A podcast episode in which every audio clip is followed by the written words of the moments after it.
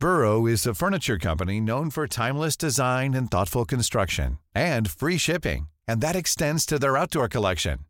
Their outdoor furniture is built to withstand the elements, featuring rust-proof stainless steel hardware, weather-ready teak, and quick-dry foam cushions. For Memorial Day, get 15% off your Burrow purchase at burrow.com slash ACAST and up to 25% off outdoor. That's up to 25% off outdoor furniture at burrow.com slash ACAST. Hiring for your small business? If you're not looking for professionals on LinkedIn, you're looking in the wrong place. That's like looking for your car keys in a fish tank. LinkedIn helps you hire professionals you can't find anywhere else, even those who aren't actively searching for a new job but might be open to the perfect role. In a given month, over 70% of LinkedIn users don't even visit other leading job sites. So start looking in the right place. With LinkedIn, you can hire professionals like a professional. Post your free job on linkedin.com slash people today. Hey, it's Ryan Reynolds, and I'm here with Keith, co-star of my upcoming film, If, only in theaters May 17th. Do you want to tell people the big news? All right, I'll do it. Sign up now and you'll get unlimited for $15 a month in six months of Paramount Plus Essential Plan on us. Mintmobile.com slash switch. Upfront payment of $45 equivalent to $15 per month. Unlimited over 40 gigabytes per month. Face lower speeds. Videos at 480p. Active Mint customers by 531.24 get six months of Paramount Plus Essential Plan. Auto renews after six months. Offer ends May 31st, 2024. Separate Paramount Plus registration required. Terms and conditions apply if rated PG. Eh, kommer du sitta så? Nej. Utan Så här ska jag sitta. ja, men jag tror att, eh, att eh, du, Vad vill du ha mig? Ja, ungefär så har jag nog räknat.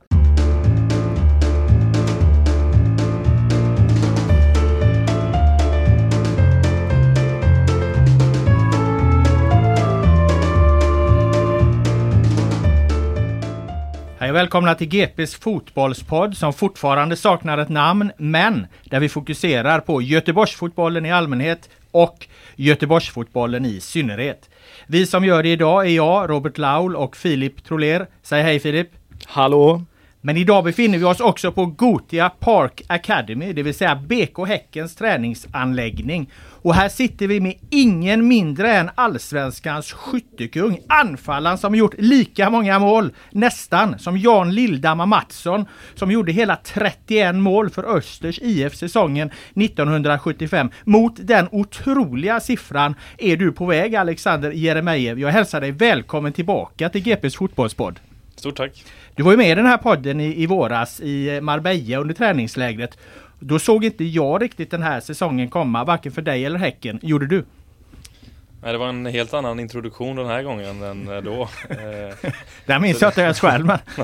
Om det ens var någon. Nej men det, det är kul. Nej, eh, kanske inte för egen del. Eh, trodde på mig själv eh, så men när vi gjorde den här podden sist så tränade jag inte ens. Så det var ju svårt att se men eh, kul att det har gått så bra.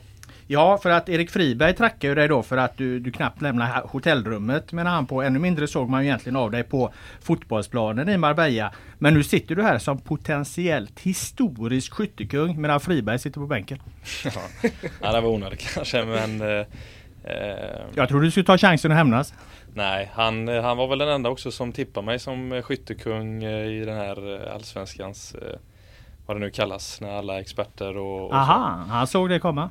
Eh, ja, det, jag tror det men ehm, För det var inte vad, han sa till oss när vi hade han i podden dock. Men nej, eh, han kanske ville skapa lite rubriker. Nej, jag vet inte. Han, han är på mig när, när det går bra och dåligt så det, det är en bra kapten.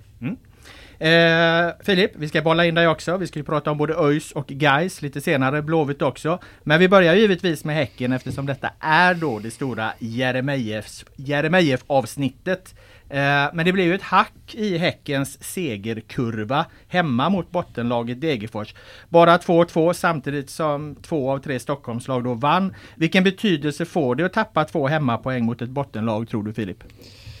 Uh, det är svårt att säga fortfarande. Många matcher kvar att spela men eh, när man satt och kalkylerade lite som vi gillar att göra så var det klart att man såg att den här omgången fanns det en liten möjlighet för BK Häcken att kanske göra ett litet ryck. Eh, nu så förlorade ju Hammarby mot, eh, mot Norrköping men Djurgården vann och ja, två, två poäng tar, tar Djurgården in där och, och Djurgården ser starka ut men omöjligt att säga än mm. vad, vad det kommer betyda. Men det var en märklig match igen när Häcken spelade. Jag vet inte hur många liksom sådana här matcher vi har nu. Det, det, det, har varit extrem dramatik på slutet. Ja, jag har ju själv bevakat två matcher eh, mot Sirius och det, det har varit... Eh, där har du inte kunnat sitta och ha rubrikerna klar eh, sådär utan det har fått vara sena ändringar in på slutsignal och båda gångerna har det ju tippat över till Häckens fördel och det känns som att det har gjort det många gånger den här säsongen. Att de varit otroligt starka. Det visar i statistiken också att de har varit väldigt, väldigt bra i slutet av matcherna. Så när eh, mannen mitt emot här eh, chippade in eh, 2-1 målet så stängde jag i alla fall egentligen boken och tänkte att det här är hemma. Men Degerfors visar på styrka där och, och lyckas få in 2-2. Mm. Ni ger fans och tv-tittare full valuta för entrépoäng, entrépengen skulle man kunna säga Jeremejeff. Jag menar hade vi mätt underhållningsvärdet då hade ju pokalen redan stått på Hisingen. Ja det är väl eh, kul att höra. Nej men det är väl eh, det vi vill också. Det är kul när det går hand i hand att man kan underhålla och eh, ta mycket poäng. Men största fokuset är såklart att, att ta poängen mer än, mm. att, mer än att underhålla. Sen så vissa matcher på slutet som ni säger har ju varit helt otroligt. Kanske mest till vår fördel hittills men nu så, så var det inte det denna gången. Mm. Eh, rätta mig om jag har fel, men det beror väl i grund och botten på, på att ni spelar som ni gör. Det är ju, ni är ju väldigt offensivt balanserade om man jämför med några av de andra eh, guldstridslagen här. Jag tror Tobias Sana uttryckte det eh, tidigare i veckan här att ni spelar med tre tior på mitten egentligen. Att de liksom i, i, som spelare är i grunden väldigt offensiva. Eh, vilket ju gör då att era mittbackar Johan Hammar, även Hovland, de, hamnar, de blir ganska utlämnade i många så här, en mot en situationer. Ja, nej precis, det, så är det. Um, jag vet inte om det var om du vill ha något från mig där, men det är exakt så det är. Vi pressar ju dock högt så att de hamnar ju ganska eh, högt upp i banan en mot en och oftast har man ju tid att hjälpa till och reparera och så. Så att eh, det är väl en liten, eh, liten del av matchplanen. Mm. Jag har hört att det finns någon manual här hos BK Häcken som säger att man hellre vill vinna matcherna med 3-2 än 1-0. Det var kollega Linus Pettersson som droppade det i, i något, samba, något sammanhang. Stämmer det att det finns någon manual att ni hellre vill vinna matcherna med mycket mål än, än 1-0? Nej det tror jag inte. Eh, för egen del är det ju kul att det anfalls mycket och man kommer till mycket lägen men jag minns eh, från Gerhardssons tid så var det ju snack om det redan då att vi att vi släpper in mycket mål men att vi gör mycket också. Eh, vi vill väl spela en, klubben vill väl spela en anfallsinriktad fotboll och vara underhållaren på det sättet. Eh, så det är inget nytt för i år tror jag. Så att det, I år är väl nytt att vi kombinerar det med att göra, göra resultat. Men kan man hålla det ända in i kaklet eller, eller bör man liksom nu när ni, för ni har ju en, en, bra chans på guldet, det får vi ändå säga. Eh, ska man börja safea lite då eller är det bara, bara köra allt vad tygen håller hela vägen? Nej, jag tycker inte att det är så att vi inte spelar safe. Jag tycker att det blir så naturligt just med det innermittfältet som vi har. Eh, att vi blir mycket bollförande och att vi har mycket boll och sen så eh, vi är mycket utanför motståndarnas straffområde, har ganska bra eh, off i def som det kallas, eh, hur vi ska liksom försvara oss även när vi har bollen om vi tappar den och så. så att, eh, jag tycker inte man riskerar mycket, det är väl mer eh, eh, andra bitar, kanske inte lämna för mycket man-man eh, när motståndaren är rättvänd och så. Men det vill vi inte för vi vill ju pressa högt också. så att eh, jag gillar taktiken. Mm. Men behöver ni bli lite elakare då? Jag tänker en situation mot Degerfors där inför deras första mål så tror jag det är Samuel Gustafsson. Han har liksom en chans att ta en frispark, kanske ta en varning på, på eran eh, högerkant precis innan det målet. Ska man, ska man ta den varningen istället för liksom att och, och äh, släppa förbi spelarna? Han hade ju kunnat klippa honom liksom. Nu, nu, nu vet man ju inte vad, vad, att det ska bli mål Nej, efteråt. Men du fattar vad jag menar ja. liksom. Har du en, har du en eh, Gattuso där liksom så, så hade ju, hade ju den Degerfors-gubben legat uppe på, på, på läktaren liksom. Mm. Nej så är det med facit i hand så blir det så att han kanske skulle eh, klippt honom där. Det är samma sak när man kommer i vissa avslutslägen och man skjuter åt höger men det är öppet till vänster. Det är så lätt att vara efterklok men eh, det är väl någonting som vi har pratat om lite också som jag tycker på träning ibland. Att vi ligger bra i våra positioner men eh, Ibland så räcker inte det, ibland måste man springa igenom dem också och speciellt i de matcherna som kommer nu där eh, de lagen ni nämnde innan har det liksom i sin ryggrad. Eh, Sen lite också vara lite cynisk. Eh, där kan man ju själv hjälpa till också och eh, döda matcherna ännu mer på mm. vissa olika sätt. Så att, eh, ehm, det, det, måste vi göra nu bättre i höst. Tror du vi får se ett elakare Häcken här nu då de sista matcherna Filip? Man hör på det Jeremejeff här. Ja men det låter väl ändå lite så och jag tänker väl också att när det verkligen drar ihop sig och sen även om Häcken spelar på konstgräs på Bravida så finns det ju några gräsmatcher kvar och, och ju längre in på hösten vi kommer ju, ju eh, grötigare blir planerna och då tänker jag att den fysiska aspekten blir ännu, ännu viktigare med närkampsspel och sådär så eh, jag förväntar mig väl ännu tuffare Häcken. Mm. Eh, vi har ett moment i den här podden som vi kallas Svennis-skalan. Eh, vet inte om du känner till det Jeremejeff, men snart gör du det. Eh, där utser vi de tre bästa matcherna i Göteborgs, eh, tre bästa spelarna i, eh, från Göteborgslagens senaste matcher och vi brukar dela på det uppdraget här, jag och eh, Filip. Jag har ansvar för eh, eran match, eh, Häckenmatchen här då. Ehm, och eh, kriterierna är då eh, bra, mycket bra och mycket, mycket bra. Eh, och eh, Häcken, Degerfors, där delar jag ut bra till dig Alexander. Eh, trots att du spelmässigt tycker jag gjorde en av dina svagare insatser så var du ju på plats för att lyfta in det här eh, 2-1 målet precis på slutet. Jag menar det, det, det, det är ju liksom det man, eh, man har det till helt enkelt. Och det borde ju rimligen ha, ha räckt till eh, tre poäng. Nu gjorde det inte det. Eh, men ändå, du är ju där och du chippar in i det där målet. Litet minus dock för den här ironiska applåden du gav domaren som gjorde att du fick ett gult kort. Kommentar? Nej, det var inte så smart kanske. Men eh, Nej, det går inte att försvara. Det, men det var inte mot han tyckte jag inte. Jag, tyckte jag, vände, jag vände mig om så jag vet inte om det spelar någon roll. Men nej, det var inte så smart. Men du fick ett domslut emot dig och du applåderade domaren. Det var ungefär vad du gjorde. Ja, precis. Jag tyckte det var ett märkligt eh, domslut. Också eller ja, skitsamma. Det är vad det är. okay. Jag tycker han blir lite mörk i ögonen här när du så liksom en av dina sämre spelmässiga insatser. Okay. Har du ingen replik på detta? Ja, Eller hur, kände, hur kändes det? Nej, det är ju hans personliga åsikt. Vad håller du med Det är väl lite facit. Nej, jag vet inte. De matcherna. Nej, det är det inte. Eh, de matcherna när vi ligger utanför eh, motståndarnas straffområde så är det ju svårt att liksom eh, synas kanske. Då mm. ligger man ju mer och väntar på inläggslägen och sånt. Sen så Ehm, ja, ja, när jag ser matchen igen och när jag tänker på matchen så fanns det mycket nästan-lägen i vinklar, när, speciellt när de ska försöka spela sig ur och tappa bollen. Där den här sista passningen, sen kanske min löpning inte var tillräckligt tydlig ibland men den här sista passningen till friläge fanns ganska många gånger. Så, eh, men det är klart att eh, eh, jag var ändå nöjd med min match men det är klart att det inte är, den, det är inte den som sticker ut i år kanske. Sen såg jag, får jag säga till mitt försvar här då, alltså jag, har, jag har ju med honom som en av de tre bästa Häckenspelarna i, i själva matchen då. Eh, tack vare framförallt kanske det här målet då. Men, men som sagt, eh, jag, hade, jag har höga krav så mm. att, eh, det, det blev ett bra där. Ja. Eh, mycket bra då, det kanske också blir lite överraskande då. Men det delar ut till, faktiskt till, till en inhoppare, till Blair Turgott. Jag tyckte han gjorde ett jäkligt fint inhopp till höger när han kom in där eh, istället för Oskar eh, Uddenäs ehm, eh, fick, fick en helt annat eh, typ av inspel eh, när han liksom kom runt på kanten där. Det blev, man såg en tydlig eh, förändring i spelet där som, som gjorde att ni ökade trycket. Jag vet mm. inte om du köper den analysen? Jo, jag håller med. Det blir väl lättare för honom att slå in den med rätt fot där också. Och det var faktiskt, eh, de var deras backlinje stod ganska högt. Det var ganska svårt att löpa in inlägg just vid inläggslägena så vågar de trycka upp backlinjen så det fanns inte så mycket yta att löpa in i men han eh, Jag tyckte han gjorde det jäkligt bra faktiskt som du säger och mm. det är skönt att spela med en sån som matar den. Mm. Får vi se om han eh, kan vara på väg in i, i startelvan framöver här eh, Filip, vad tror du?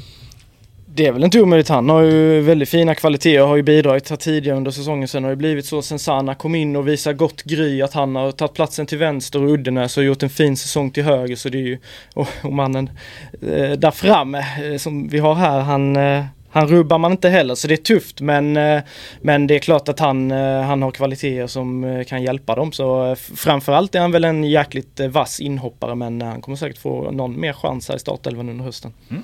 Eh, mycket, mycket bra då. Det får, eh, det får ju ingen mindre än eh, Mikael Rygaard. Nämen! De, nu, nu får vi, du får ju ändå säga, du och Linus ni var ju så negativa till Rygaard här i vintras. Och jag, absolut jag inte. sa det var en fantastisk ab spelare men, det var, men nu kommer det till slut. Absolut, alltså. absolut inte. Eh, vi hade ju varit i Marbella till skillnad från dig Filip och eh, sett vilken fantastisk fotbollsspelare Rygaard var och sen i debuten så hade vi höga förväntningar på honom men tyckte inte riktigt han exploderade exploderade så som vi visste att han hade i sig. Därav var vi lite skeptiska. Men, ja. men eh, Gnisslade lite längre än så. Histor histor histor ja. Historien har gett oss rätt. Nu får han i alla fall eh, mycket, mycket bra här. Ehm, eh, gör ju 1-0 på ett, eh, ett eh, välplacerat avslut. 2-1 framspelning till dig Jeremejeff med en helt magisk yttersida som liksom går runt Degerfors backlinje. Otrolig passning. Har ni tänkt på det förresten att alla Rygårds avslut nästan, de är så otroligt välplacerade. De sitter så nära stolpen att du kan inte kila in ett A4-papper däremellan. ja, så är det. Det är samma sak på träning. Är, han börjar bra och nu har han växlat upp ännu mer tycker jag. Och fysiskt i press och allting. Han, eh, han är väl en av de bästa i serien just nu skulle jag säga. Så att mm. eh, det är kul. Mm. Ja, han måste vara eh, ett av Allsvenskans bästa nyförvärv hela serien. Ja, utan tvivel och jag har varit inne på det i några poddar här tidigare. Jag tycker det är, det är sportcheferi på hög nivå att kunna hitta en eh, kille som fyller 32 här. Det var väl i polska ligan han kom ifrån. Polska andra ligan Andra ligan till och med. Eh, och han kommer hit och, och, passar så perfekt i det här Häckenlaget och, och bidrar mycket med sina instick och fina kombinationsspel och nu är han väl uppe i sju baljor eller någonting också. Eh, så eh, det är väl bara återigen eh, Martin Eriksson och och Hampus och gänget där eh, plus i kanten verkligen för det, den, eh, det fyndet. Apropå nyförvärv då så har ju Häcken gjort några här i sommarfönstret också. Rygaard kom ju tidigare. Eh, och du hade ju koll på det Filip eh, angående Tobias Sana då som kom från IFK Göteborg. Att, att Jeremejeff och, och Sana är, är gamla polare. Ja han sa det i alla fall. Ni, ni spelar väl tillsammans i Alexander kanske dementerar det här. Det tror jag i och för sig inte. Men, nej men han sa att eh, ni spelade tillsammans i Malmö vet jag ju. Och jag för mig han nämnde att ni delade rum lite sådär på bortamatcher så också. Var det så eller? Eh, ja, så var det. Ja. Jag minns jag delade också med Oskar Lewicki men det var väl eh, snurra kanske lite. Ja, ja. Men ni är lite, lite polare kan man säga det? Ja det är väl klart. Vi, det är en eh, snäll härlig kille som älskar fotboll. Jag tycker det är kul att diskutera också. Sen så eh, framförallt en bra spelare som jag tror eh, ger oss en lite annan dimension kanske. Eh, så eh, nej men det här med också som vi var inne på med Blair där, Turgott om starta och inte starta och sånt att det finns många spelare som kan komma in och, och, bidra vilket jag tror kommer bli jäkligt viktigt nu när det blir olika matchbilder med gräs och allt det där. Så att eh, eh, det ser bra ut. Eh, när jag snackade med Högmo här inför eh, Degerfors-matchen, var jag nere på en träning och pratade lite med Högmo. Då sa han det att innan Sana värvades så hade han kollat av med lite spelare i truppen. Och, eh, I och med att det var ju lite eh, turbulent när han lämnade Blåvitt där. Eh, om, om, om hur han var som person och så här. Vad pratade Högmo med dig där? Fick du liksom eh, gå, gå, i god för Sana liksom att det är en bra kille så eller? Nej, inte gå i god. han har ju varit så länge i svensk fotboll också så att jag tror eller jag vet att de, kanske inte Högmo men Martin och de som tar in, han vet ju vad det är för typ så mm. jag gick inte i god för honom men han frågade mig och jag svarade. Det är liksom han passar in på det sättet hur han älskar fotboll och passion och diskutera vad kan bli bättre och så och sen eh, utifrån också de kvaliteterna han har så eh, det har ju blivit bra hittills. Mm. Eh, i en sån här guldstrid då, om vi, om vi breddar perspektivet lite ovanför för eh, BK Häcken så tampas ni med, med x antal lag. Det är ju framförallt tre Stockholmslag. Det är ju hissingen mot, eh, mot Stockholm, den här guldstriden egentligen. Eh, hur mycket följer du de andra lagen? Liksom? Satt du bänkad i måndags och kollade norrköping Bayern till exempel? Eller? Ja det är det. Eh, men eh, jag kollar Eh, är det Premier League till exempel och Allsvenskan samtidigt så kollar jag Allsvenskan. Det är mm. inte så mycket fokus på guldstrid men det blir ju såklart man har ju mer eh, koll på, på de lagen. Eh, vi ska ju möta dem snart också, Bayern så att den matchen just såg jag såklart. Mm. Hoppades det något i soffan när målen trillade in för Norrköping? nej, inte så speciellt men det är väl klart Norrköping har haft det tufft. Och jag tycker de ser bra ut eh, nu. Så eh, Hammarby också såklart, det är ett jäkla bra lag men inte så, det är inte så mycket fokus på dem. Jag tycker mer det är kul att kolla och mönster och Bayerns nya anfallare, lite så man vill få en, få en egen bild. Mm. Så att ehm, eh, det är mer av intresse än liksom eget, eh, eget hopp eller vad ska jag säga. Ja, Är det något, eh, något som har slagit dig vad gäller de här lagen ni gör upp med där? eh, Djurgården, Hammarby, AIK. Är det något, du- något eh, du tycker sticker ut hos något av dem? Något som ser, fan de här kommer jaga oss hela vägen. Eller vad känner du? Eh, nej men ändå ganska lika oss framförallt. Eller de har ju jäkligt tydliga idéer och gör ju samma saker eh, hela tiden. Ehm, med spelare med X-faktor lite som vi har. Det, jag tycker det är kul att se att man har sin idé och att man kör på den och att den funkar liksom. Lite så som vi har gjort i år. Ehm, nu har lagen börjat ändra lite mot oss, eller under ganska många omgångar. Lite man-man och, och så. Och så har vi fått försöka lösa det och jag tycker att ehm, Men det, det, det har du märkt att de spelar man-man mot, mot dig då till exempel? Nej, framme, jo. Ja, när de kör femback så är det mycket man-man. Ja. Exklusive den matchen som var nu. Det var inte så mycket. Men ehm, det är mer att de dubblar mig liksom vid inläggslägen. Ehm, till exempel, jag tror, var det nu Matchen innan var det Rygaard gjorde mål igen va, på ett inlägg snett inåt bak där de liksom följer mig oavsett vart bollen kommer lite. Så att, eh, och sen man-man just på våra tre inmittfältare för att de inte ska försöka få Ja, okej. bollen har väl varit uppenbart eh, för oss i alla fall nu de senaste matcherna men det har de löst bra. Det är framförallt eh, sen Simon kom in tycker jag som har väl ändrats lite grann i sin spelstil. Han är ju överallt, alltså springer och pressar och gapar och, och så. Så att eh, det är kul. Han, han kommer bli nyttig under hösten. Det är jag övertygad om. Såklart. Och du tänkt på det Filip där, det är intressant att, att lagen börjar spela man-man där på, på, på Häcken som han är inne på. Ja absolut. Det, det, det, det tyder väl ändå på, på någonting om eh, vilka individuella kvaliteter man ser att de här spelarna har. Inte bara Alexander utan också som man säger mittfältet som väl man får säga har varit en jätteviktig faktor för att Häcken har, har varit så framgångsrika som de har varit även innan med Gustav Bergen. Att den trion har varit fantastiskt skickliga på att liksom låsa fast bollen och, och skapa det här övertaget som det nästan känns att Häcken har i, i eh, i alla fall merparten av matcherna. Eh, guldstriden då, vad tror du Filip? Eh, vilka tar det här guldet? Det måste vi givetvis eh, spekulera i. Jag har ju redan gått ut i en stor eh, matematisk uträkning eh, i, i våran papperstidning och på nätet och eh, slagit fast att eh, Djurgården kommer att vinna på eh, målskillnad eh, eftersom både Häcken och Djurgården går upp på 64 poäng. Så att guldet i Djurgården har jag ju då eh, det hörnet har jag målat in med lite kan man säga. Även om jag vill på, påpeka att detta är en matematisk uträkning Ja. och ingen, ingen liksom analys. Nej, en rätt stel manual måste jag säga. Det är väldigt så här, är det derby så är det en poäng till Jajamän. båda. Du har ingen känsla i det utan det är bara väldigt så. Ren matematik. Ja, trist. Nej men eh, jag inför den här omgången så jag och Janlin som satt i podden förra veckan vi var väl lite inne på att ah, som sagt Häcken kanske har lite rycket här som sen kan räcka för det hela vägen in. Eh, De har ju några tuffa bortamatcher med, med Blåvitt bland annat och vi har Djurgården i oktober där någon gång och, och Kalmar nu härnäst också. Jäkla tuff match. Eh, så nu kanske här med tappet mot Degerfors så kanske jag svängde lite till Djurgårdshörnet också alltså. Jag var lite inne på Häcken faktiskt men eh, man vill ju inte hålla på och skifta heller, det känns svagt men Nej, jag, jag är väl i Djurgårdshörnet nu kanske. Så du sågar min matematiska uträkning som kommer fram till Djurgården Ja, ja, och sen ja, så ja. har du en egen känslomässig analys som Ja, också ja. kommer fram till Djurgården. Ja, jag, jag tror mer på det helt. Alexander, hur går det? Vilka vinner guld? Eh, det vet jag inte men jag hoppas och tror på oss. Vad är era stora fördelar gentemot konkurrenterna? Eh, om man ska ställa oss mot dem så, det vet jag inte. Men jag tycker att vi har presterat bra under eh, nästan alla matcher i alla fall. Eh, eller jag tror nog vi har haft bra perioder under en lång tid i alla matcher faktiskt, oavsett lag. Kanske Djurgården hemma är väl den sämsta matchen, men eh, det är väl det tycker jag. Alltså att det inte, att vi inte har fått den här riktiga dippen. Eh, sen så Den kanske Ja, kommer precis, att vad säga. jag sa.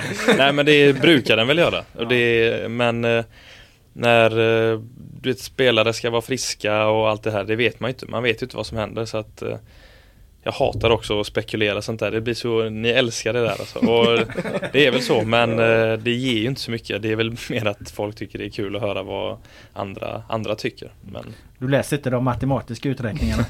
Nej, de är väl lättast att göra kanske. Ska man gå på känsla så då blir det en personlig åsikt och det, det säger mig inte så mycket. Så eh, hellre matematik kanske. Han dömer ut mig. Ja, där hör du Filip. du, personligen dig så men Det är rimligt. Där hör du Filip, jag på att säga. Eh, ja men bra, eh, då har vi eh, i alla fall hade vi två för, för Djurgården då eh, och ett, en som hoppades på Häcken. Du vill inte vässa det mer än så Alexander? Nej, men jag, det är klart jag vill att vi ska vinna. Jag, jag kommer inte säga att jag tror att någon annan vinner för att det känns inte så just nu. Sen så som sagt, vi får se vad som händer. Mm. De är lite försiktiga Häcken i år jämfört med i fjol där. Vi har ju konstaterat det många gånger. Då, prat, då tippades ju Häcken som guldlaget och, och spelare var ute och pratade ganska mycket om det. Men så, så blev ju fjolårssäsongen som den blev. Men, men de är lite försiktigare i år, är det inte så Filip? Jo, kanske lite. Alltså jag älskar ju det här att de, alltså man omfamnar ändå lite. Jag tyckte det var Sen blev det som det blev i fjol för Häcken men jag tyckte ändå det var kul att någon liksom ändå eh, i Häckens position också vågar gå ut och samma med damlandslaget här nu. Man kan, man kan sitta och häckla lite sådär men det är ju det alla vill ha någonstans. Någon som vågar sticka ut och säga något annorlunda och att Häcken sa att de, ja, men de gick för guldet i, i, i fjol lite mer tydligt än vad som var i år.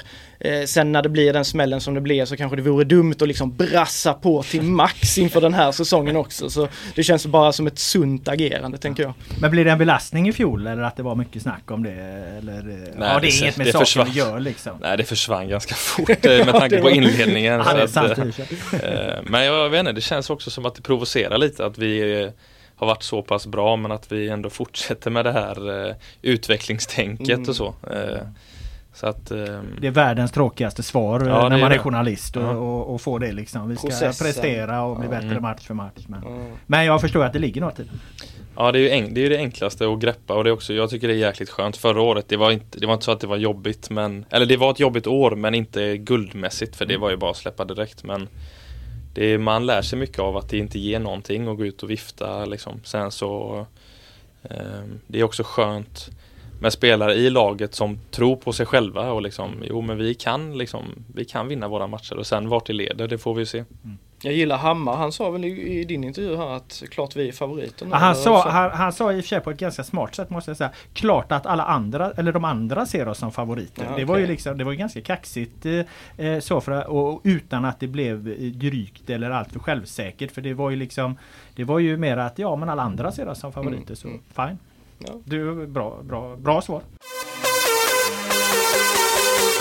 Eh, vi ska släppa guldstriden däremot och eh, ge oss in lite mer på, på eh, personen Alexander Jeremejeff. Eller ja, kanske inte någon psykologisk djupanalys men, men eh, mer kring eh, eh, kontraktsläge och, och rykten och spekulationer och framtid och landslag och, och, allt sånt här som är intressant att prata med när man har en, en blivande skyttekung i eh, studion. Eh, du blir kvar i Häcken här i sommarfönstret eh, trots allt. Var det, var det någonsin någon diskussion om något annat eller var det helt givet att du, du skulle vara kvar i Häcken det här året?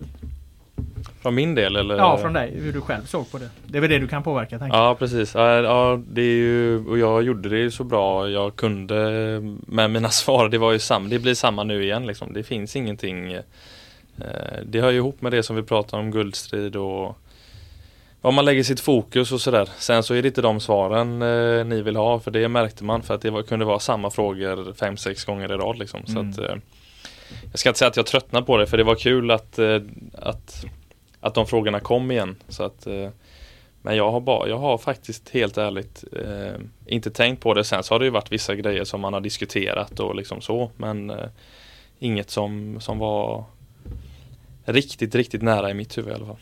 Vad var det ni diskuterade då? Eller som diskuterades som var på riktigt? Var det Hammarby eller? Nej men vi diskuterar mer vad, vad man vad jag vill, eh, hur det känns, hur jag mår, alltså hela, hela biten. Ehm, och sen så är det alltid lätt att vara efterklok men nu känns det som ett eh, bra beslut och i och med att jag inte har tänkt varken det ena eller det andra utan bara tänkt på min egen utveckling faktiskt så har det, det har varit ett jäkligt roligt år och sommaren var rolig även om det var samma skit varje dag. Liksom.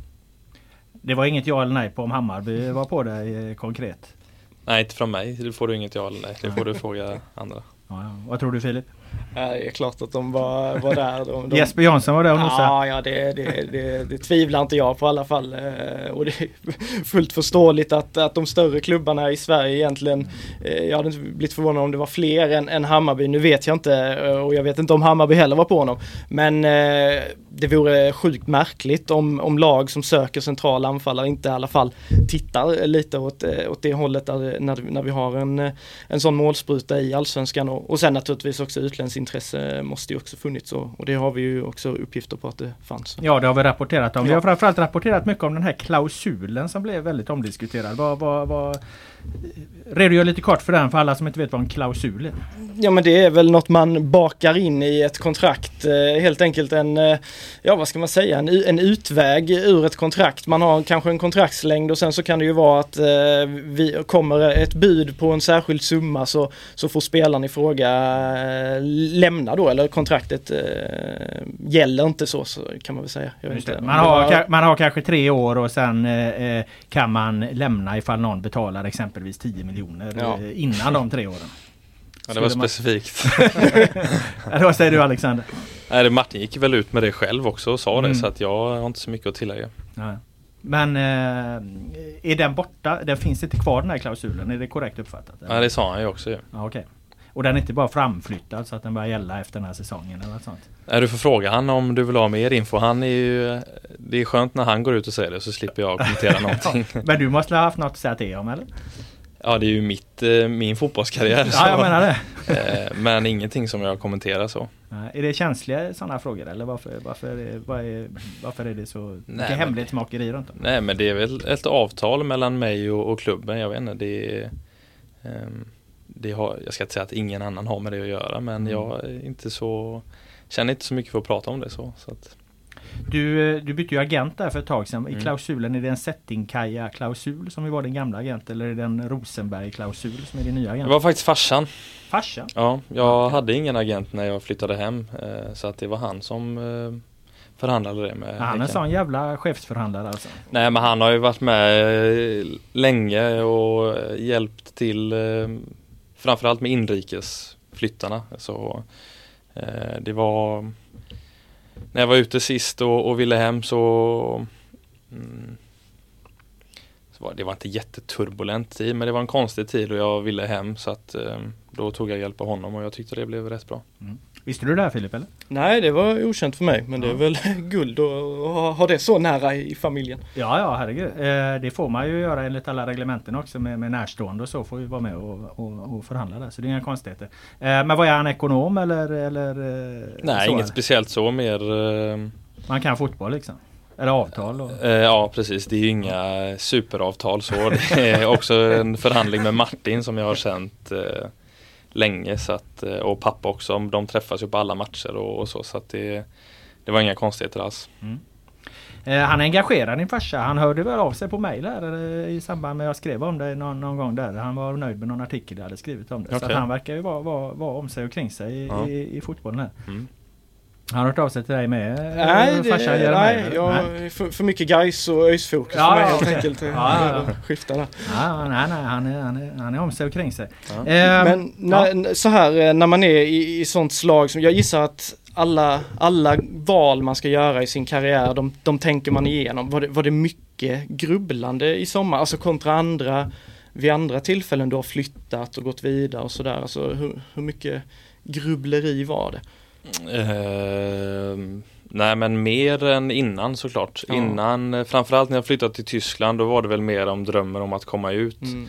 Mer än vad man kom till. Eh, men där är det också lätt att vara efterklok för att det fanns alla förutsättningar där för att göra det bra också. Men uh, just också hur vi såg ut den 2019 där vi låg i toppen och hade gjort mycket mål och ett jäkla bra lag. Så då var det vissa människor som såklart tyckte att man skulle stanna och gå för skytteligan då också. Eh, som man inte väljer att lyssna på. Och, eh, det beror på eh, hur mottaglig man är och vad som har hänt innan i karriären och, och, så. Jag har haft, min karriär har varit ganska mycket upp och ner. Mm. Ehm, och jag, ska, jag har väl varit en grubblare men eh, har väl lärt mig lite som med de frågorna jag ställt innan att det, det ger inte så mycket. Um, utan mer fokusera på vad jag kan göra och på framförallt har jag fokuserat på de grejerna som jag själv har stört att jag är dålig på på plan. Eh, så det är väl det jag har utvärderat nästan bara och sen så har jag verkligen bara gett det till, till Rosenberg och dem och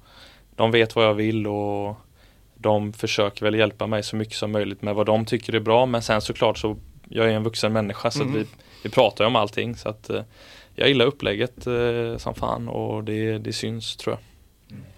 Um, om vi tar framtiden då, för nu är det ju klart. Du, du, alla fönster är stängda, allting. Du, du, du är kvar här, ni går för guldet, du går för skyttetiteln, du, du kan bli historisk skyttekung och allting. Um, om du skulle blicka bortom det, oavsett vad, hur det här nu slutar. Vad, vad, vad tänker du om din fotbollskarriär i, i framtiden? Vilka ligor tittar du mot i liksom ett längre perspektiv? Nej, ingen speciell så. Nu eh, har jag väl hittat något som funkar. Det blev en liten nytändning eh, eh, fotbollsmässigt i år när jag märkte att eh, det här sättet eh, funkar och att jag fortfarande kan ut, utvecklas. Jag minns jag sa det till eh, Berang som är med i eh, i stallet eller vad man ska mm. säga. Agentnätverket. Ja, precis. Ja. Eh, att man kommer upp i åldern och det här med utveckling och att man är för gammal och sånt. Att han blev, blev nästan svart i blicken som du sa förut. Att det är aldrig för sent. Och det är väl en jäkligt eh, dålig klyscha men eh, fick en sån jäkla skjuts faktiskt att det finns grejer som, man, som jag redan är bra på som jag kan utveckla och sen när det sätts i praktiken och det blir resultat så blir ju fotboll blir ju hur roligt som helst. Så att, eh, kan jag fortsätta göra det karriären ut så vet jag inte själv hur, hur bra det kan gå så det ska, det ska bli kul att se. han, han blev förbannad på det nästan där då att du, du kan inte, du, fan, du kanske spela fotboll i tio år till liksom. Du kan inte tänka att du är för gammal. Nej liksom. exakt så. så. Och ja. Um, varför kan inte du utveckla dig? Eh, det är ganska små grejer som han och de tyckte att jag skulle skruva på så eh, men det är också en sån grej, jag minns, eh, vi pratade också om det om när jag gick till Malmö att hade hade jag fått samma tips då, så hade, vilket jag kanske fick, det minns jag inte, så hade jag nog inte varit mottaglig utan det beror på eh, motgångar och framförallt förra året eh, fysiskt hur jag mådde och sånt. Då börjar man fundera, eller om man, jag gör det i alla fall. Eh, och vill inte ha en sån säsong till. Eh, sluta tycka synd om sig själv och eh, påverka det jag kan påverka. Så vilken liga jag hamnar i, det för mig det är helt ointressant nu. Mm. Du skulle fråga något eh, Filip? Ja vad var det egentligen? Ja, men Per-Mattias pratade just om det att det var många spelare i Häcken i år av det lite äldre gardet som han sa att han imponerade så otroligt mycket av. Hur, hur man kan ta sig an det trots att man är 29, man är 31 och så här och ändå så når man sån, eh, hittar utveckling och, och, det är ju fantastiskt. Eh, och det är väl bara hylla Berang då liksom för att han kanske gav dig en viktig insikt där att ja men mm. lite tryck, trycka till då. Eh, så eh, finns det någon detalj sådär som, som inte vi förstår som, som, du, som du har utvecklat i ditt spel den här säsongen som du liksom känner att eh, någon specifik så vet jag inte men eh, jag fick frågan också nyligen vad som om det är någon skillnad på mig när jag drog första gången eller nu men jag skulle nog säga att spelaren är ganska lik mm. men att det mentala är väl ganska annorlunda. Jag har väl aldrig liksom Eh, analyserat mig själv på det sättet eh, som jag gör nu och eh, reflekterat över eh, vad som är bra och vad som är dåligt och så utan jag har mest kört på och gått på känsla utifrån olika tränares taktiker. Eh, mer än att när jag är felvänd, hur ska jag stå och hur ska jag använda kroppen, när ska jag gå i djupled, var ska jag stå i straffområdet. Alltså alla de detaljerna och så eh, har jag väl en bra speluppfattning i grunden och har väl ganska ganska bra förståelse för spelet sen innan. Så det är väl därför det har gått så fort. Mm. Eh, till skillnad från kanske en 18-19-åring som man behöver ju tid på sig för att gå på lite miner och känna i matcherna att fan det här funkar eller det här funkar inte. Och kan, de chanserna kanske man inte ens får. Jag fick inte det eh, förrän jag var kanske 24-25. Mm. Så hade man varit tillräckligt bra och spelat eh, A-lagsfotboll på allsvensk nivå när man var 18-19 så hade det kanske gått ännu fortare. Jag vet, det vet jag inte men eh, det hör ihop tror jag. Eh, jag minns en annan eh, Häcken-forward. Dock minns jag inte om han var i Häcken eh, när han kom med i landslaget. Men han kom ju med som landslag, i landslaget när han var 27 tror jag. Mattias Ranegi. Eh, jag vet inte om du kommer ihåg det eh, Filip. Men han, gjorde ju, han kom in liksom och gjorde, gjorde eh, kvalmatcher till, till EM där under Hamrén-regimen helt enkelt. Så att det går ju även att komma med där. Ehm, har du hört något från landslagsledningen här eller vad, vad, vad ligger status där för dig? Nej men eh, det är väl klart att det hade varit eh, häftigt. Det är ju det är någonting som jag aldrig knappt ens har tänkt på innan. Eh, men ehm, det är klart ju bättre det går och, och, så så de här frågorna börjar också komma mer och mer så det är också kul. Men du fick ju faktiskt frågan efter, jag tror det var efter Malmö-matchen i våras. Mm. Men då var det nästan som att du då tog du inte riktigt på allvar liksom. Men, men nu har det fortsatt så bra så att nu känner du ändå att fan nu är det där en, faktiskt en relevant fråga. Liksom. Eh, ja den är väl mer rimlig nu än, än då kanske men eh, för januariturnén i vintras, nu blev den inte av tror jag. Nej, men där var jag inte med så att eh, så tidigt in på säsongen och helt plötsligt vara med i, i det riktiga, då kändes väl inte rimligt men eh, jag tycker det har känts bra eh, överlag så får vi se. Det är också bara en bonus i så fall. Mm. Vill du se med i landslaget Filip? Eh, ja, vi hade den frågan också uppe i podden. Du har ju varit på semester ja, ja, och jag har checkat ut helt här. Eh, så eh, det har vi diskuterat och där var svaret ja och jag har ingen anledning att ändra det. Han fortsätter ju bara att lysa. Så, jo, men jag tycker, alltså gör man 21 mål och är så viktig för sitt lag, det är klart att man åtminstone ska få, få testa och, och ja, nej, men jag, tycker, liksom. jag tycker också det. Alltså, det, det är två delar. Å ena sidan så, så eh, kan man ju tycka att, att, eh, att man är värd det då när man gjort så mycket. Men man måste också någonstans uppmuntra det man gör i de eh, inhemska ligorna för att, liksom, att lyfta den, den kvaliteten kan jag, kan jag, kan jag tycka. Liksom, eh, så. så att jag eh, tycker nog att Janne eller Peter eh, borde slå en signal. Om de nu gör det. De hör kanske inte av sig innan de bara droppar, droppar truppen. Ja, jag vet inte. Jag, jag har inte varit med om det innan så vi får väl se. Då eh, byter vi eh, spår igen för att eh, vi följer ju ett gäng andra lag i den här podden också Alexander. Bland annat då IFK Göteborg, eran lokalrival som ni har lämnat bakom er i tabellen en bit bakom. Hur känns det? Nej, den matchen var också på tapeten igår. De, det är inte många lag som slår Mjällby där borta med 4-0. Men nu frågar jag hur det känns att ha lämnat dem bakom, en bit bakom i tabellen. Jaha, nej det den matchen svider nästan fortfarande den förlusten så att eh, vi ses eh, snart igen. Okej, okay. skicklig på, på, på att ducka frågorna där va? ja, fullblodsproffs. Ja. Alltså. Nej men den matchen kan ju bli eh, Blåvitt kanske om de hänger i här kan ju vara med i fighten om Europaplatserna. Och du talar om det andra derbyt ja, det andra derbyt IFK på Häcken på Gamla ja, Ullevi. I den näst sista eh, omgången av Allsvenskan. Ja, ja. Potentiellt skulle ju Häcken kunna lyfta eh, Lennart Johanssons pokal på Gamla Ullevi. Ja, det är absolut potentiellt. Sen tror jag ändå att det kommer vara race om det in i sista omgången kanske. Men eh, det blir oavsett vilket en grym match och all potential att bli en otroligt eh, fet match. Var lyfter du helst pokalen? På Bravida eller på, på Gamla Ullevi? Det spelar inte så stor roll. Man vekar undan den frågan eh, Nej men det var ju Blåvitt där som sagt. Jag vill ta upp andra lag här också då. Och eh, du nämnde den matchen 4-1 mot, eh, mot Mjällby som de hade i den här eh, omgången. Det var en ganska udda match eh, kan jag tycka. Det var ju fyra Blåvitt mål där utan att Marcus Berg gjorde ett enda. Eh, men IFK fick väldigt bra betalt för sitt eh, pressspel. Ja, de, eh, det är väl tre, tre mål som de egentligen gör på grund av det pressspelet. De vinner bollen högt, eh, Markovic någon gång och eh, om det var Salmonsson någon gång och sådär. Mjällby lite naiva kanske. Några tillfällen slår lite lösa passningar sidled men Blåvitt hugger där och de, de ser ju spelmässigt har de ju en helt annan nivå än vad de hade under, under våren.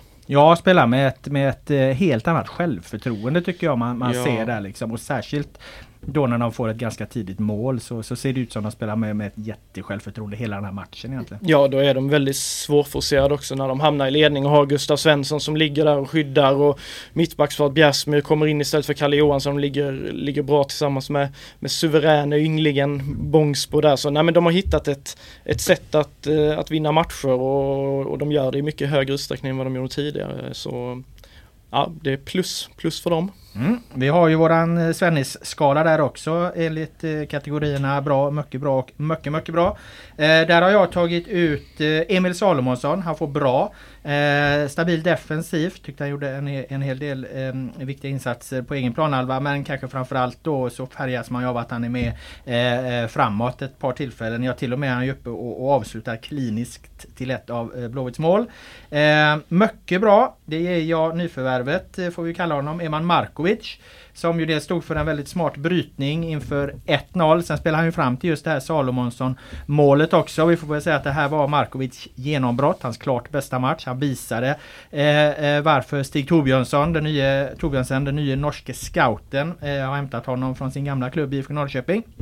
Eh, mycket, mycket bra. Det går då till eh, spelaren som du nämnde här, eh, Johan eh, Bångsbo, 19-årige eh, mittbacken. Eh, som vanligt grymt starkt defensivt, men framåt, vilket jävla avslut. En volleykanon i mål! Mycket, mycket bra. Eh, framnickad av mittbackskollegan Mattias Bjärsmyr. Eh, för övrigt, det var, eh, det var nästan ett Jeremejeff avslut där när Bångsbo vred in den. Jag vet inte om du såg det? Jo, jag såg det. Det var bra gjort. Det var eh, bra toppspin på den. Så Ja. det var... Det var som ett, ett pingisslag. En, Ja, en, en, en, en stark forehand liksom. Han Ja. vred in den i bortre. Ja, det är bra. Gratulera. Apropå mittbackar och sådär. Du möter ju mittbackar hela tiden. Vem är den tuffaste att ställas mot? Eh, i, jag, jag tycker Danielsson är överlägsen faktiskt. Är det så? Ja, för Ja, min del i ja. alla fall. Eh, är Marcus Danielsson i Djurgården. Ja. Mm. Han är, eh, han är bra. Varför? Eh, för min del, ja, han är ju både smart, snabb, stark och bra med bollen och sen så eh, är det ju en landslagsback liksom som har representerat i mästerskap och allt möjligt så det är ju inte en jättechock kanske men eh, jag tycker jag tycker han är överlägsen de andra faktiskt. Och då är de andra också bra. Mm. Apropå på Danielsson, landslagsback, Bångsbo kanske är en framtida också. Pratas det en del om redan nu. 19 år är löftet i Ja, jag ser det. Det är många som trycker på där på Twitter att här, här spelas det landslaget inom kort och Det fortsätter går fort utveckling. det så där nu alltså. Ja, men, innan, eh, det, innan snacket Nej men det är väl väldigt, ja, alltså det, så är det ju och sen går det ju också, det går ju också ibland väldigt fort. Det är bara att titta på en annan kille som var här, Ayamuso, som var i, i Häcken för några år sedan och som inte fick så mycket speltid här. Blev utlånad till Gais, gör en jättefin vår där. Och sen så säljs utomlands och har kommit igång i Slavia Prag och, och han var väl inkallad eh, tror jag i, i Jannes senaste trupp eller hur det var. Eh, det är ju inte så jävla lång tid. så ja, har man talang och får det där flytet så kan det gå undan. Ja, sen är det väl också så om vi ska bli seriösa. Alltså mittba- Danielsson som du nämner, han har ju tackat nej till landslaget. Det har ju varit ett jävla bekymmer helt enkelt på, på mittbackar på landslagssidan här nu. Det, det, när det var ett ska, skador här för ett tag sedan. Jag vet inte hur många mittbackar som var i spinn. Det är väl därför Ayanoso varit aktuell också där, för det var så många å, återbud. Liksom. Jo i och för sig, men han har ju också varit framtränare i U21 och Ja. lagkapten där och sådär. Så, Absolut, så han, eh, och han är ju fortfarande ung också. Mm. Du har väl eh, varit klubbkompis med honom också va? Eh, ja, han var uppe lite grann, ja. Ehm, men han spelar ju från start i ett eh, svinbra lag och gör Ja. Europamatcher och allt möjligt så att det är ingen eh, Det är en jäkla skjuts som du säger. Där gick det nog eh, unikt fort Ja, tror jag. Det var ja. nog gå från eh, rakt in i Europa League tror jag han gjorde. Det, är ju, det händer ju aldrig liksom. Men sen eh, av jag har hört av honom och det som jag liksom om vi ska prata om honom är ju att han är overkligt proffsig alltså. Och mm, nu mötte jag inte han så många gånger men på träning då men eh, han har alla egenskaper för att bli en av Sveriges bästa backar av det jag har sett och, och hört så att eh, det är kul. Ruskigt snabb är han ju också. Det är ju inte så många mittbackar som har den speeden alltså. Nej och det här självförtroendet med boll, han är ju modern liksom och stenhård. Mm, Ehm, mm. Så han har ju alla egenskaper och så skallen då i och med att han är Han vet vad han vill och han ska dit upp liksom oavsett. Det finns inget som stoppar han. Så det är kul. Overkligt proffsig det här. Det är ett starkt uttalande. Alltså det är en jävla hyllning alltså. Ja men det är väl, det är väl, det är väl han, värd höll jag på att säga. Ja, ja det, är- det, det, är- det är han väl uppenbarligen Ja. då alltså. Jag, jag Men bara- Det är kul med sådana som har den inställningen liksom Mm. jag ska fram sen så Det är på mitt sätt och det finns liksom inget annat och så gör han det så som han gör det så det är, det är hatten av till Ayam alltså. Mm, nej, men jag såg ju bara rubriken eh, framför mig. Skyttekungens eh, jättehyllning till Doldisen liksom. Alltså någonstans i, i, en, eh, i tidningsformat. Ja. Att det skulle nog kunna bli en tänkbar utgång av, av det här samtalet. Absolut, men det är härligt. Du, du tänker bara rubriker hela tiden. Jajamän. Du, eh, apropå rubriker så skapade ju IFK Göteborgs ordförande Rickard Berkling stora sådana när han för ett år sedan sa att eh, eh, Blåvitt ville förbi Malmö FF och det är ganska snabbt. Eh, det sa han i september 2021. Eh, det tog tog väl ungefär ett år då för nu är Blåvitt före Malmö FF i tabellen Filip. Ja, jo, jo det, det, är de väl. Eh, eller, eller det är de ju naturligtvis. Eh, sen var det kanske inte Nej, ba, ba, bara att de skulle komma före dem i, i tabellen, eh, var före dem i en, en omgång här i Allsvenskan. Utan det var väl hur, hur Blåvitt skulle utvecklas som klubb och, och, då var det ju många som tyckte att det var ett eh, vansinnigt uttalande. Malmö FF ljusår före där men eh, Ja, det var ett vansinnigt ja, uttalande jo, så att eh, det är ja. helt rätt. Men rent sportsligt absolut, nu är de ju, ju, där men det hur klubbarna står sig och ekonomier och så vidare. Där är det fortfarande mil skillnad. Så är det. Och apropå Malmö FF då Filip, alltså vi måste ju beröra där. Hur stort misslyckande tycker du att det är? De har alltså värvat spelare för 80 miljoner i år. Och detta är bekräftat av deras ordförande. Det är ja. han som säger det. 80 miljoner har köpt in spelare för Kiese och, och, och de här. Och eh, eh nu är de sjua i tabellen. Nej men det kan man väl inte säga något annat än att det är ett superfiasko. Alla förväntar väl sig när man kliver in i säsongen eller eh, kanske inte de motståndarna så men någonstans de flesta tror att Malmö FF ska vinna SM-guld. Det är det som är förväntningarna från merparten och det är det som är rimligt att förvänta sig när man är så överlägsen ekonomiskt och med den truppen de klev in i allsvenskan så fanns det väl inte på kartan att de skulle ligga sjua med en, med en tredjedel kvar eller ja, sjua, sexa, sjua. Mm. Eh, och när du då säger att de har värvat spelar för 80 miljoner. Ja det är lika mycket det, som de sålde Zlatan för ja, då 2001. Det, det, är otroliga summor i, i en allsvensk kontext så eh, eh, det gör väl inte att eh, perspektivet blir mer positivt för dem. Är du chockad Alex över att eh, Malmö ligger sjua? När de har satsat 80 miljoner på nyförvärv. Ja det är väl klart. Inte, inte i kontrast med vad de har lagt på spelare utan bara vilka spelare eh, de hade innan också. Eh, jag, eller ja, jag tyckte de var jobbiga att möta när vi mötte dem. Eh, jag känner inte han tränaren så men jag tyckte Jag tyckte de såg, jag tyckte de fick oförtjänt mycket skit. Eh, sen nu har jag, nu är så här i efterhand med skador och sånt eh, eh, vilka som var skadade. Jag vet inte AC om han var med jättemycket och sånt. Sånt påverkar ju också men eh, de eh, går sin väg så det har gått bra innan så vi får väl se var, var det landar. Mm. Ja, jag tycker jag håller med dig. Alltså Milos där, de låg tre poäng efter eh, om det var er eller Djurgården eller vem det var som ledde då när Milos fick gå. Han, de hade vunnit Svenska Kuppen eh, och, och han hade i en period 12-14 skador, bland annat eh, AC var väl eh, skadad och det var flera andra tongivande. Eh, och att ändå kunna hålla sig tre poäng, alltså det är ju, det är ju nästan som att man då underkänner konkurrenterna som att de inte skulle vara, vara vettigt motstånd. Jag tycker det var helt orimligt att de tog bort honom och Sen vet man inte hur det har varit i omklädningsrum och så vidare men vad man har förstått så verkar det ändå inte som att han har tappat gruppen eller sådär. Nej tvärtom verkar ju Georgsson som de tog in istället. In, han verkar ju inte ha haft, haft eh, någonsin haft något grepp om omklädningsrummet. Eh, så att det, det där var väl ett panikdrag som helt enkelt blev fel med facit i hand. Nu har de ju bytt tränare igen för övrigt. Eh, nu är väl när vi sätter och spelar in det här ungefär så blev väl Åge Hareide gör comeback. Ja, jag eh, noterade detta. Och eh, han brukar ju vara bra på att eh, med kort varsel kunna få ihop saker och ting. Och, så det ska bli intressant att se och han har ju gjort det bra i Malmö en gång tidigare och eh, gjort det bra på många andra platser också. Så eh, det ska bli intressant att se vad han kan få ut av dem här nu under sista, sista nio matcherna är det väl. Mm.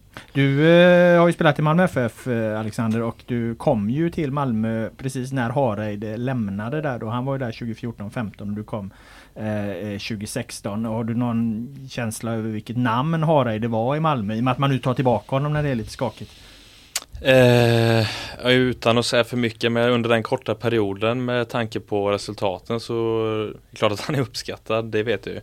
Eh, men eh, jag tänkte säga att han är en av de största där, men det tror jag inte. Men han gjorde det jäkligt bra, och, men jag kan ingenting liksom hur han vill spela och sånt. Sen om man tittar på vilka spelare de hade då och hur de fick ihop det så det eh, det är klart att det gick bra. Det är nästan bara landslagsspelare och Rosenberg i Prime och sådär. Men eh, det ska bli kul att se nu hur det går. Mm. Ni har ju kvar att möta dem mm. hemma.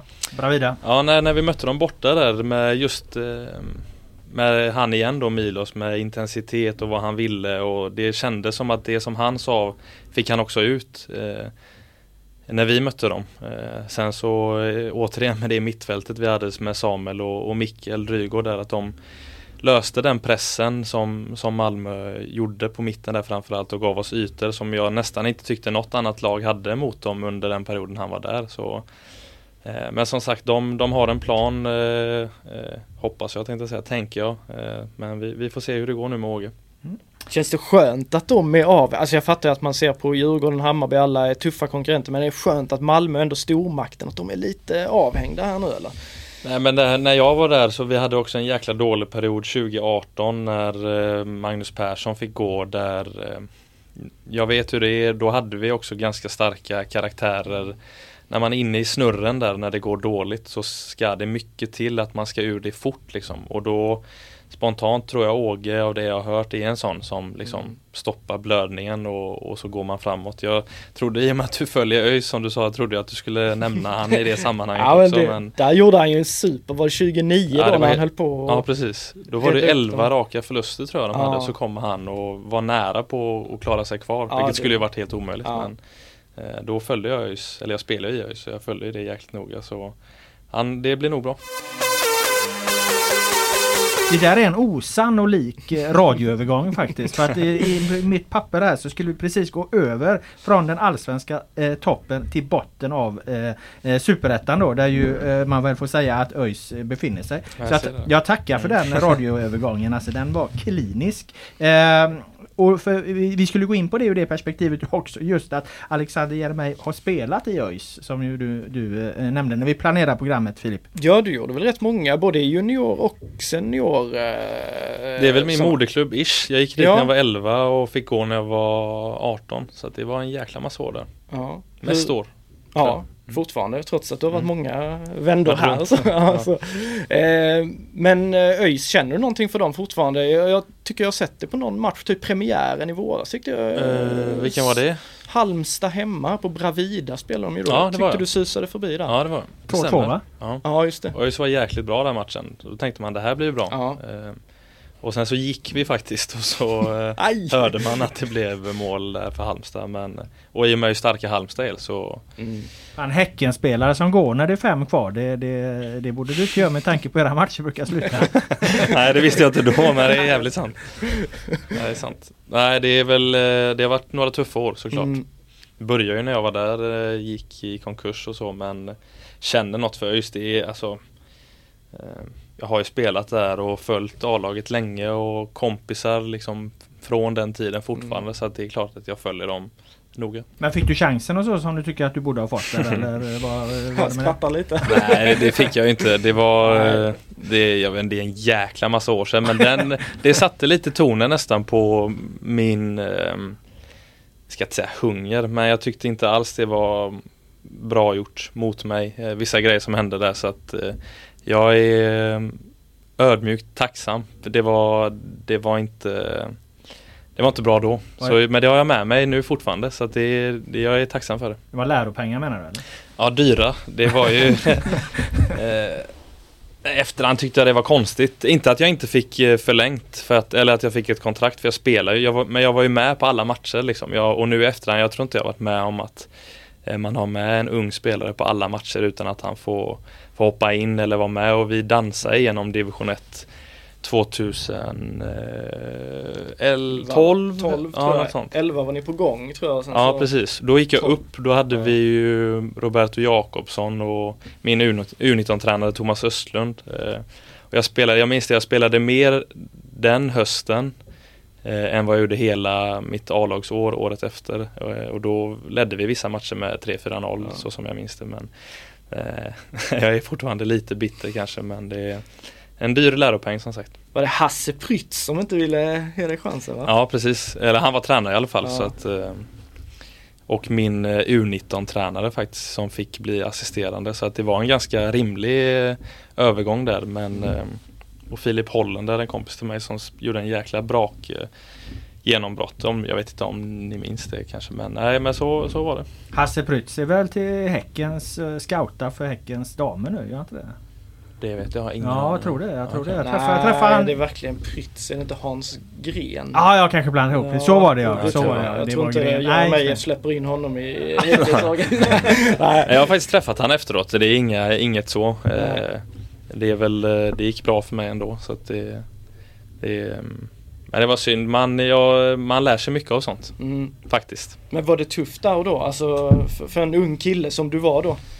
den situationen? Nej men just där och då var det väl så jag, jag vet inte, jag tänkte inte så mycket på det mer än i efterhand när jag har liksom reflekterat men det är klart att det var eh, I mitt huvud var det fel redan då. Jag tyckte att jag var tillräckligt bra. Jag gick till Kviding sen i samma division och eh, kom tvåa i skytteligan så att jag kände ju på träning och matcher att det här liksom Fan låt mig spela lite men då jag ställde inga superkrav och och sa emot eller något sånt. Så det har jag lärt mig att det är ingenting att gå och vänta på. Det är bara att gå, gå rakt in och ifrågasätta. Så, så länge man gör det från hjärtat så brukar det bli bra.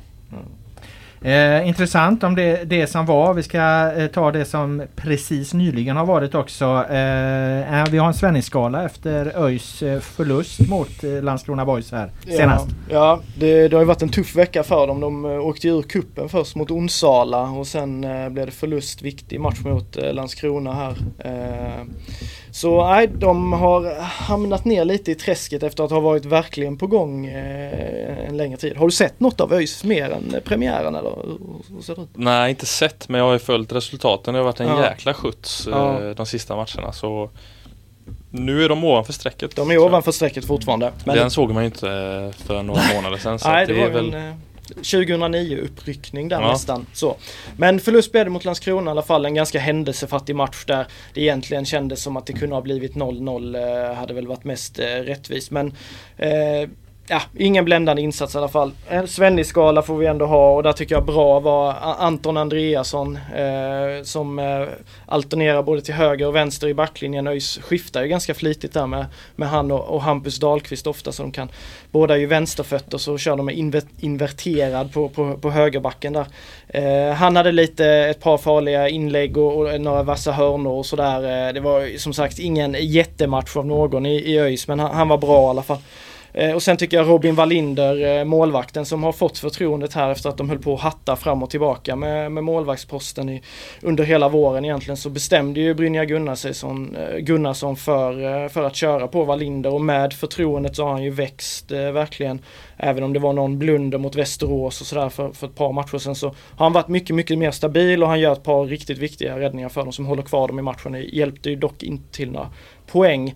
Eh, och sen bäst tycker jag att Isak Dahlqvist eh, var. Han har eh, gjort en fantastisk sommar och, och fortsätter Eh, att eh, spela en bra fotboll och var egentligen det lilla jag skapade framåt var det han som låg bakom. Jag, jag var faktiskt på matchen med Isaks pappa Mikael, kom ett reportage om det sen. Han hade ju mm. alla tre sönerna på plats på Gamla, gamla Ullevi där. Edvin i Landskrona, Hampus och Isak i, i ÖIS. Så det var familjefest Dahlqvist där och en jävla massa folk utifrån öarna där de kommer ifrån som var och heja också sådär. Så Isak gjorde en bra match men han blev tyvärr utbytt bara en minut efter att Edvin kom in så de hade ju haft en mäktig duell där annars men det blev nog bara någon, eh, någon kamp där, sen så var det slut på det. Men ja, jag tyckte det var märkligt Isak blev utbytt. Jag hade inte tagit av honom. Men eh, han var bra i alla fall. Mm, men reportage om fotbollsfarsa där. Då fick du ett tips till av Jeremijeffs farsa där. Superförhandlaren.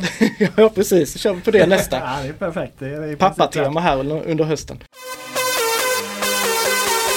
Tack för den Svennisskalan. Eh, vi har ju Gais också och Utsikten vunnit båda två. Kiken tillbaka på vinnarspåret igen eller efter hur många förluster var det? Nio i rad? Ja det var, ja, inte förluster tror jag men eh, nio, utan vinst. nio utan vinst efter att ha dansat fram under våren. Var ju uppe på allsvensk uppflyttning ett tag lilla, lilla Utsikten. Eh, nu så har det varit en tyngre tid under sommaren. Johan Brattberg han smög tillbaka till, till, till hissingen och då raserade hela, hela Utsiktens försvar kändes som. Nej men Brattberg han gjorde det väldigt bra Eh, för, för Utsikten och eh, är nu tillbaka i, i Häcken och de har inte riktigt hittat rätt med målvaktsposten men Eh, nu tog de en viktig skalp mot Brage borta. Jesper Brandt klev fram i 93 minuten och med en elegant nick eh, skickade han in. Råskinnet? Ja, råskinnet. Han, han kan göra annat än uh, tuffa tacklingar. Han, han fixade tre poäng till kiken och verkar ha varit uh, stor fest på bussen uh, på vägen hem. Så jätteviktigt för Utsikten som nu ta sig undan lite för den eh, bottenträsket som verkligen var på väg att komma riktigt, riktigt nära. Mm. Om du inte har eh, något om Guys också så ska vi... Nej, jag tänkte Jeremejeff kan dra eh, senaste omgång här. Hur mycket är det? ingenting. ingenting va? Division 1. Ja, det är långt under. Nej, nej, nej. nej vi på, väg, På väg upp igen. Ja, de vann eh, igen i alla fall och eh, vi har snackat mycket guys de senaste poddarna och nu när vi har finfrämmat här så, så får vi, vi får släppa guys lite den här gången. Men de, de vinner och tågar på i toppen och Harun Ibrahim kan vi säga, han gjorde ju målet. Han har ju varit aktuell för er. Har du sett honom lira någon gång? Nej, Fantastisk fotbollsspelare. okej. Mm. Ja men det tror jag. Det, Martin och gänget la Ja. ett bud i somras men det blir inget där. Men han får svårt att gå in på det tremannamittfältet eh, Ja, den- nu va? Den konkurrensen är tuff. Man kan spela ytterback också. sådär. Ja, jag tror faktiskt han hade kunnat passa väldigt bra i, i Häcken så jag förstår att de, liksom väldigt många andra klubbar, är ute efter honom. Eh, Jätteduktig kille som kan bli hur bra som helst känns som. Bra. Eh, något mer du vill säga Alexander till eh, Häckenfansen, eh, Hisingsborna eller eh, resten av fotbollsvärlden? Nej, det är bra. det är bra. Ni har ju Kalmar FF här eh, i nästa match eh, Mm. på, på måndag. Är du, är du en team Rydström eller team Jan Andersson när det kommer till fotbollsfilosofi? Eh, är de så olika? Ja det är de väl. Den ena är väl en extremt eh, passningsorienterad medan den andra är lite mer traditionalist. Eller vad ska vi säga? Ja, du tror jag vill man kan beskriva det som. Ja, jag tror eh, båda känns det älskar att vinna matcher. Eh, det är väl det som är det viktigaste. Sen eh, Kalmar, är, det är en tuff match borta också. Ehm, sen så trodde jag jag var avstängd faktiskt men det är den här nya regeln det. antar jag. Så jag spelar då. Ja du klarade det. Du, det var förra omgången tydligen. För vi kollade upp Ja. det så att du, du klarade det precis där. Mm. Alltså det fan det visste du inte när du tog den ironiska applåden. Alltså. Nej, det visste jag inte. Eh, så den Det blev ännu mer bitter. Nej. Så eh, det var skönt. En, en bra regel. ja, ja, ja, för nu är du med mot Kalmar. Ja, det är bra. Ja men de, är, de har varit väldigt stabila nu. De radar upp 1-0 eh, 1-0 segrar där på Guldfågeln. Ja, vann i veckan igen. Ja precis och Blåvitt eh, vann de också över där 1-0 Mm. innan dess. Och de har väl tryckt till något av Stockholmslagen också på Guldfågeln. Så krävs väl en skyttekung för att lösa detta eller? Jag hoppas det. Vi får se. Eh, podden utan namn är eh, tillbaka eh, nästa vecka. Jag tackar dig Alexander Jeremejeff för att du satt här en, en timme med oss. Eh, tack så mycket Filip Troler och tack så mycket alla ni som har lyssnat. Vi hörs!